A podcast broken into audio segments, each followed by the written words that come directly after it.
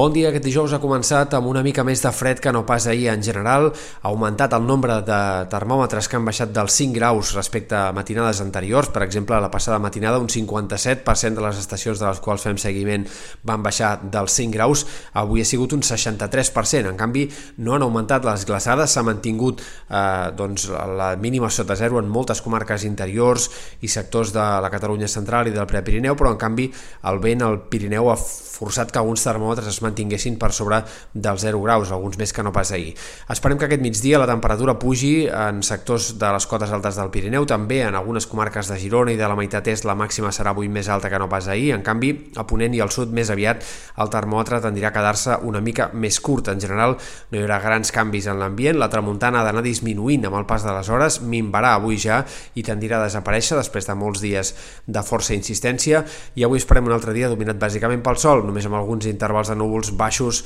a primeres hores o fins a mig matí en fondalades del Prepirineu i sectors també de Ponent. En tot cas, el sol que ha de predominar clarament, com també ho farà aquest divendres. A partir de dissabte, però, comencen a arribar alguns canvis. De fet, dissabte ja ha de ploure en sectors del País Valencià, els núvols començaran a augmentar al sud de Catalunya, també en algunes comarques de Ponent, serà una mica més enterbolit també a la resta, i a partir de diumenge augment dels núvols ja més significatiu. Esperem que el diumenge ja sigui un dia més tapat o enterbolit en molts indrets, segurament núvols encara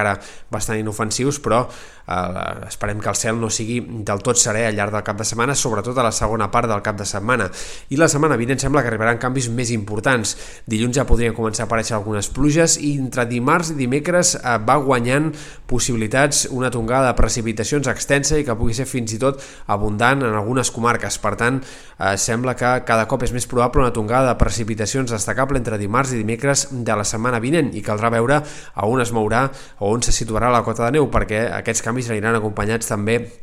d'una entrada d'aire fred que de moment sembla que l'inici de setmana serà bastant progressiu